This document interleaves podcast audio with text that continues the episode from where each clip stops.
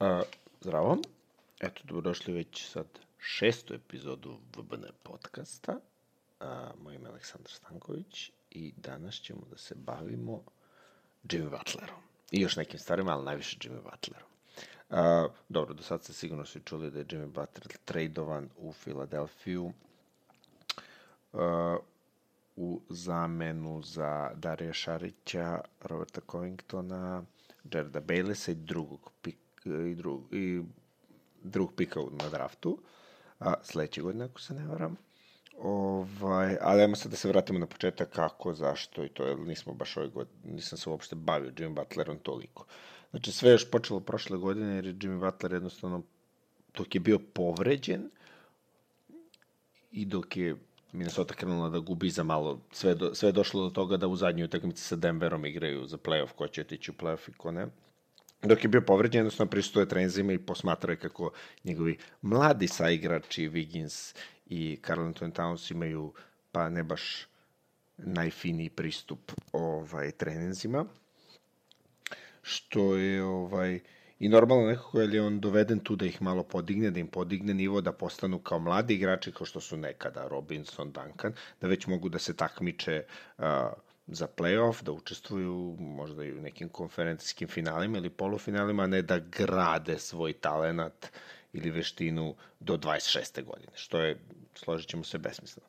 Problem je naravno nastao kad su Wigginsu ponudi maksimalnu ugovor od 117 miliona, ako se ne na 4-5 godina, a vrlo brzo je odmah počela priča da će i Carl Anthony Towns dobiti maksimalnu drugu koji je na kraju dobio 190 miliona, dok su na Jimmy ponudili 100 miliona, u tom nekom koji je on glatko odbio, ovaj, jer jednostavno nije želeo da bude sva pozivali su svi na odgovornost kao najstarijeg i najboljeg igrača u toj ekipi njega, on je bio najmale plaćen i to se njemu naravno nije dopalo. I jednostavno počeli su da nastaju problemi u kombinaciji sa radnom etikom, to jest neradnom etikom ovaj, Wigginsa i Townsa, to je nezadovoljstvo je počelo da se nagomilava i ovaj, jednostavno čovjek je želeo da bude plaćen. I kako on kaže, on uvek je verovao u svoj talent i uvijek je hteo da izgura svoj talent i da dobije ono što zaslužuje, iako on sad ima 29 godina i traži maksimalni ugovor koji bi naravno bio na 4 ili 5 godina do njegove 33. 34. godine, ali to je opet prime period za nekog igrača. Jordan je svoje druge tri titule od svoje od 32. do, od 31. do 34. ako se ne varam. Tako da taj moment nije problem. Problem su više povrede Jimmy Butlera i njegove noge, jer kad igrate za tima Tibodoa, što je on igrao pre u Čikagu, jednostavno tamo se igra po 40 minuta. 40 minuta, 80 utakmica, to ne može niko da izdrži, znači i ni profesionalni igrači. I možemo mi sad da kažemo, buhu, plaćeni su milione i sve to tačno, ali kad telo ne može, onda ne može, može da bude plaćeni 500 miliona, kad ne možeš da igraš, ne možeš da igraš. Ovaj sve, kulminacija je nastala kada je on jednostavno tražio trade, malo pre početka presezone. E, tim to bilo je to odbio i onda su to bile razne priče, a najzanimljive priče koje je potvrđena je da Jimmy Butler došao na trening, prvi trening u predsezoni ili drugi, i ovaj pojavio se, počeo je da bude glasan, ne da preti baš, ali tako, da bude Jimmy Butler, koji je onako dosta uh, eksplozivan i u ponašanju i temperamentu. I bukvalno sa trećom ekipom, sa momcima koji su tu došli iz G ligi, jer su bili na trajacu za, na probi da ostanu Minnesota, uhvatio i razbucao je prve dve postave bez problema. Uh, I na kraju je vikao GM-u i vlasniku they cannot win without me, što je tehnički malo i tačno, barem u ovom trenutku. I bukvalno je time što je bio Seronja ili jeste Seronja, insistirao na tome da bude tradovan ili ne želi da igra sa, likovima koji ne žele da rade na svojoj veštini, a činjenica da su Wiggins, Wiggins je uh, poor man Carmelo, bukvalno, znači čovjek koji igra samo napad i dosta dobro napad, odbrana ga ne zanima, a ima telo da igra odbranu, mislim jednostavno raspon rukus. A to je jednostavno igrače koji su plaćeni mnogo para, uh, možda bi mogli da igra odbranu, ali bukvalno bi možda mogli da igra odbranu, ali zašto bi ima 120 miliona, 150, 150, totalno je nebitno. Jednostavno samo oni koji žele više ili žele titul ili žele da pobeđuju, samo se oni trude, ovi ostali NBA postao. Zašto, zašto se i na utakmicama postiže po 120, 130 pojena? Niko neće da se cima. To je jednostavno tako. Ovaj, na kraju tog treninga, gde je nastao ceo taj haos. Naravno, igrači su morali da budu legally blind, niko ništa nije smeo da priča, jedino je Anthony Tolliver je potvrdio da da je Jimmy bio na treningu, ovaj, Derek Rose je rekao, Derek Rose Taj, Taj Gibson koji su već igrali sa Jimmyom, oni su rekli, to je Jimmy, mislim, ništa ne očekujemo drugo, on stalo proziva nekoga na treningu, viče, bilo je zabavno, sve, sve u tome. I Jimmy je bio profesionalac, kad je počela sezona, on je igrao, zviždali su malo u prvih par utakmica, ali posle kad su videli da se čovjek trudi i da igra maksimalno onako ko što treba, ovaj, onda je publika čak i stala na neki način na njegovu stranu. Čak je probao Karl Anthony Towns kao da pozove sve igrače da se okupe oko njega, ali to nije uspelo, mislim, pošto on čovjek nema, nema karakter, ni oni predstavlja, Karl Anthony Towns se predstavlja kao sledeći Tim Duncan i možda po on to jeste, možda i bolje, ali trenutno nema te, da kažemo, emocionalne veštine da bude lider nekog tima. To će možda doći kasnije. Jedan od razloga zašto Jimmy Butler ovako rano tradovan, a ne recimo pred deadline 15. decembra ili nije buyoutovan pa da ode negde drugde, je i zbog toga što je Derek Rose odigrao, fanta počeo da igra fantastično, počeo da liči na, svog, na sebe, ovaj, i tim Thibodeau je počeo da ga koristi u, u većim, mnogo dosta većim obimu u smislu da igra mnogo više minuta i dao je tu utakmicu od 50 poena, pa je posle oborio sobstveni rekord ili rekord franšize sa 7-8 trojki, pa opet sledeće sledećoj utakmici dao 30 poena. Mislim da mu zadnjih 6 ili 7 utakmica, ne znam tačan broj utakmica, prosek 24 poena, što je fenomenalno. I jedan od razloga zašto je Jimmy tako brzo tradovanje i taj, jednostavno Rose sad tu imaju veteran leadership i Rose je definitivno blaži lik. Opet, s druge strane, dokaz šta je sve Rose, koliko povreda je prošao i jako je zanimljivo da se okrenemo, da se osvrnemo samo na Rose u tom trenutku, ovaj, kako je uh, povampirio na neki način svoju karijeru i sad će ostati tu Minnesota još par godina dok je ne završi, ali dokazao je da jednostavno može, da treba samo biti uporan, vežbati, prilagoditi svoju igru, znači ne može on da leti više sad po terenu zbog tih svojih podvreda, hajde nabacio šut i dalje ima brzinu, promene, sve je to tu. I nije on da bio najmlađi MVP u ligi ikada. Um, Razlog zašto sam čekao baš danas da pričam o Jimmyu je zato što je sinoć bila Jimmyva prva utakmica sa Filadelfijom, a i Minnesota je igrala bez njega. A, Philadelphia je izgubila o, od ne znam koga su izgubili, nije ni toliko ni bitno. Ovo je Jimmy dao 14 pojena, pogledao sam utakmicu, bilo je tu par, protiv Orlanda su igrali, bilo je tu par dodavanja, utrčavanja, par šuta. Jednostavno, ta ekipa, toj ekipi e, je bio potreban closer, znači igrač koji će kad je crunch time, kad je gusto, kad se utakmica završava, da uzme loptu u ruki i da rešava. Joel Embiid, koliko god mi to voleli, koliko on zabavan i koliko ja lično volim kao igrača, nije to to. Ben Simmons nema šut, a ne, bez šuta ne možete biti closer. Ja to imam igrača koje treniram. Super je sve što imate lepu tehniku, što, što ste brze, ali igrač nikad neće krenuti agresivno da vas čuva ukoliko nemate šut, jer vam onda šut omogućava da sav ostali vaš talent dođe do izražaja. Onda kada vam igrač priđe dovoljno blizu, ako ste dovoljno brzini, ne treba vam nekim fantastičnim dribling, samo ga protrčite i date koš. Ili barem probijete prvu liniju pa dodate dalje da će neko da šutne. Jednostavno to je tako. Dok Jimmy može da igra i protiv udvajanja, i s loptom, i s driblinga, i bez driblinga, i kao spot-up, svašta nešto može da igra. I uh, ono što je najbitnije sada kad se osvrnemo na celu tu postavu, izgubili su Darija, Philadelphia izgubila Darija Šarića, kog bi morali da plate na kraju godine, na kraju sledeće godine, i oni to svakako nisu planirali. Robert Covington je pod ugovorom i on je solidan igrač koji šutira trojke i igra odbranu. Smršao je dosta, postoje fizički bolji, ali jednostavno ne mogu njih dvojica da se porede sa Jimmy Butlerom. I onda će, i, i cela konstrukcija Filadelfije, gde sad Elton Brady mi je sad GM, bivši igrač, cela konstrukcija Filadelfije je sad jako zanimljiva. Wilson Chandler koji je igrao za Denver, koji je u tom tradu uh, završio kod njih, sad će prva postavka bukvalno da izgleda Simons, Embiid, Wilson Chandler, uh, Jimmy i JJ Redick. I sad će JJ Redick imati priliku da i da ulazi malo više sa klupe i da do, daje veći doprinos sa svojim poenima, jer šutevi sa 5-6 metara za Džeđe Redika su ziceri za kucavanje za sve drugi igrače. Čak sam sinoć dok je gledao su, su zamenili Embiida i igrao Wilson Chandler igrao centra i zato je Vučić i dao toliko poena, mislim da je od 30-ak. Irlande. Sad je samo pitanje, ta ekipa odmah ulazi u top 4. Znači, bila je uz dužno poštovanje Indijani koja je dobra i koja će biti pet, ali tu imamo Toronto, Boston, Filadelfiju, i koga sam zaboravio, Toronto, Boston, Filadelfija, može tamo ima Toronto, Boston, Filadelfija, nije bitno. Ovaj, jednostavno uh, sa Jimmyjem oni postaju ozbiljna ekipa, sad imaju kao big free, da kažemo, i čak, možemo čak da kažemo da je to tri najbolje igrača u deset najboljih igrača u ligi. Ali sve to mora prvo da se jako dobro komponuje i prema onome što sam sinoć vidio, jako su izgubili, to izgleda jako dobro.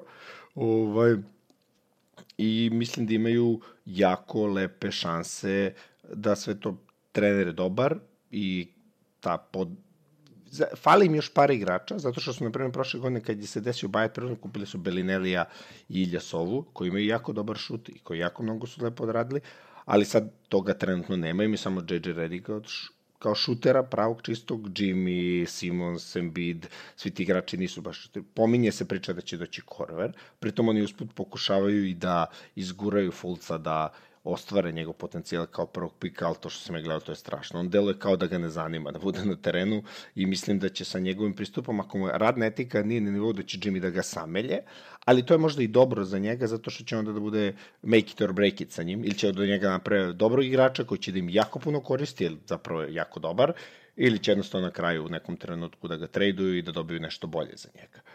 Um,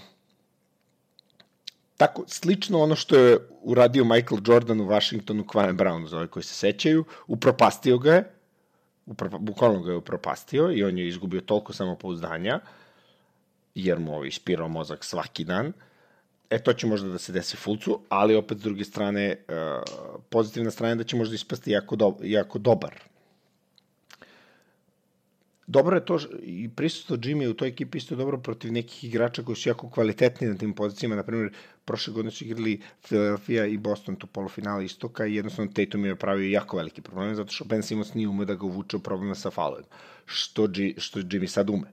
Jimmy će umeti i mladi, mlađi igrače i jednostavno on je čovjek koji doprinosi sa bacanja, davajući bacanje u velikom procentu i iznud, iznuđujući bacanje, slično onome što radi Harden. Uh, a to je dobro zato što Embiid ne može da igra, ali nema taj, tu kondiciju da igra toliko, onda je to dobro. Mislim, stanje na bacanjima je odmor tehnički za sve igrače i onda to može da im jako puno pomogne. Jednostavno, bit će jako zanimljivo, a ako su komponuju, postaće jako veliki problem.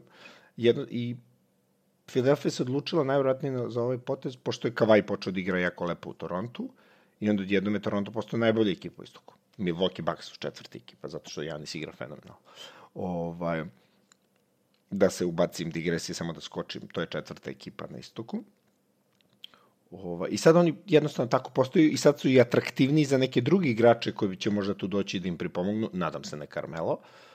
To je to, ja stvarno, ja obožavam Jimmy, znači Jimmy je ono kako izgurao sam svoju karijeru, znači nije ni ušao kao neki visoki draft na piku, jednostavno svojim trudom i talentom dokazao da zaslužuje sve što je do sada dobio i on teži ka titulama i možda se malo u određenim situacijama i precenio da zaslužuje nešto više od onoga što stvarno zaslužuje, ali jednostavno čovjek ima samopoznanje i veru u sebe i to treba ispoštovati i sad je stavljen u situaciju gde to može da ispuni. Čak i da to sve ne uspe, oni ne moraju da mu ponude ugovor na kraju sezone i neće tu ništa da se strašno desi, ali opet imaju tu uh, osnovu igrača Redick, Simons, Embiid koji će opet igrati finale, isto kako kako da im dodate, mislim, to je onako jednostavno, to je dobro. Uh, s druge strane, da vidimo šta je dobila Minnesota u svemu tomu. Znači, Minnesota je tu dobila Baylessa, to je samo za ugovor, uh,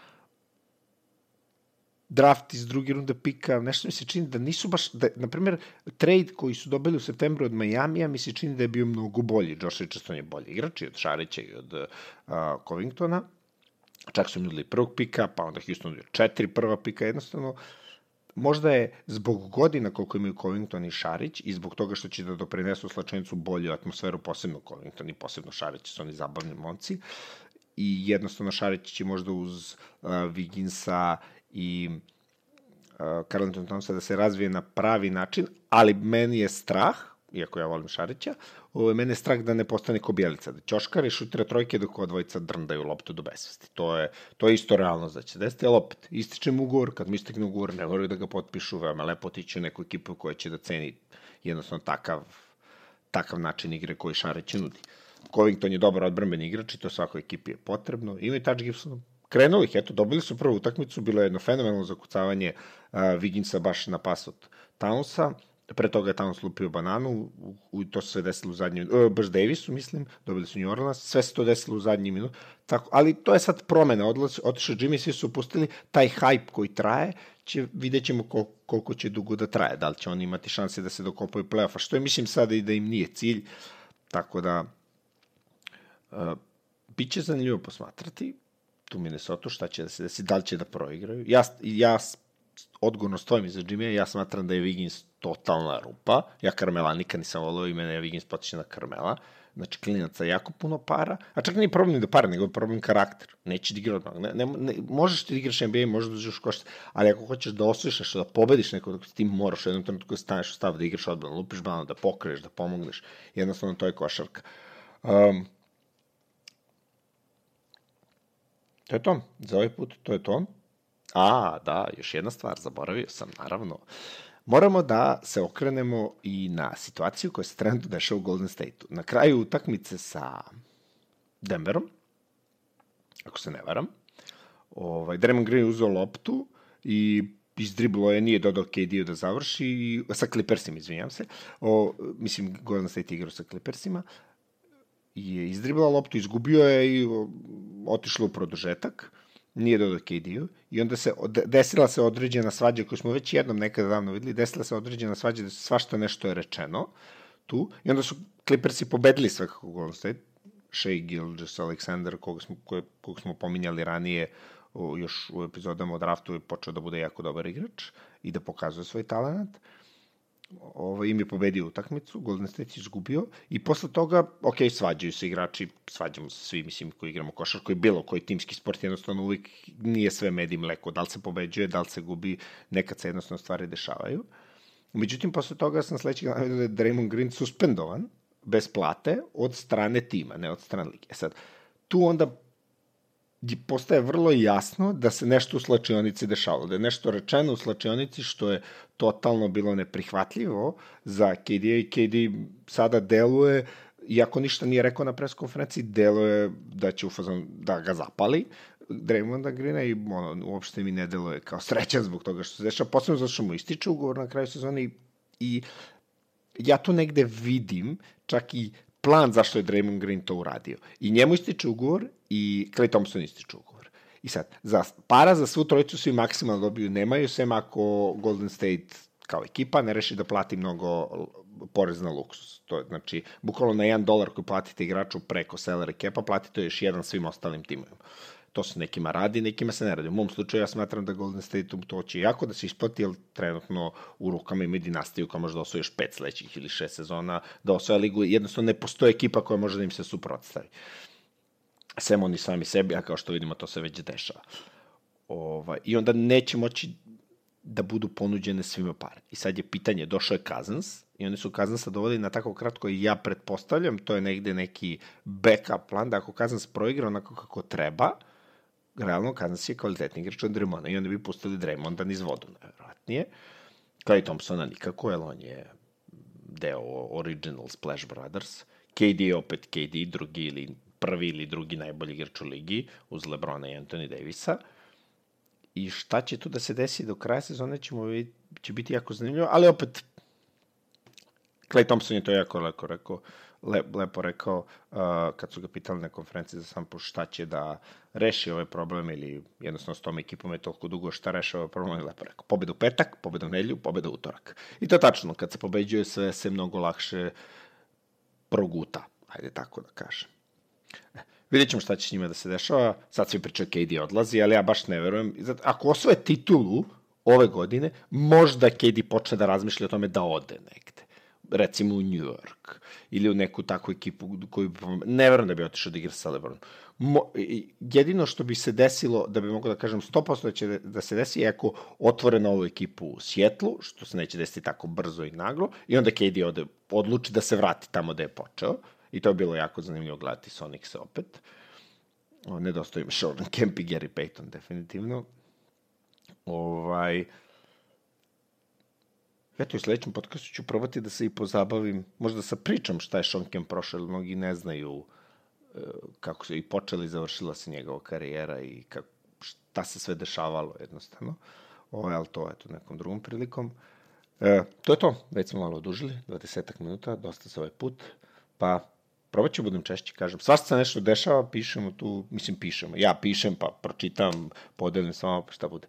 Uh, uživajte, poša, dajte svima da vas čuju. Svakog ko zanima NBA liga, pustite mu, sve sugestije su dobrodošle. A, sa kolegama s kojim igram basket, koji takođe slušaju, povedali smo diskusiju oko Karmela, pa se dokazalo da Jurs Trulli je u pravu što se Karmela tiče, čovjek je jednostavno rupa, tačka. Pozdrav svima.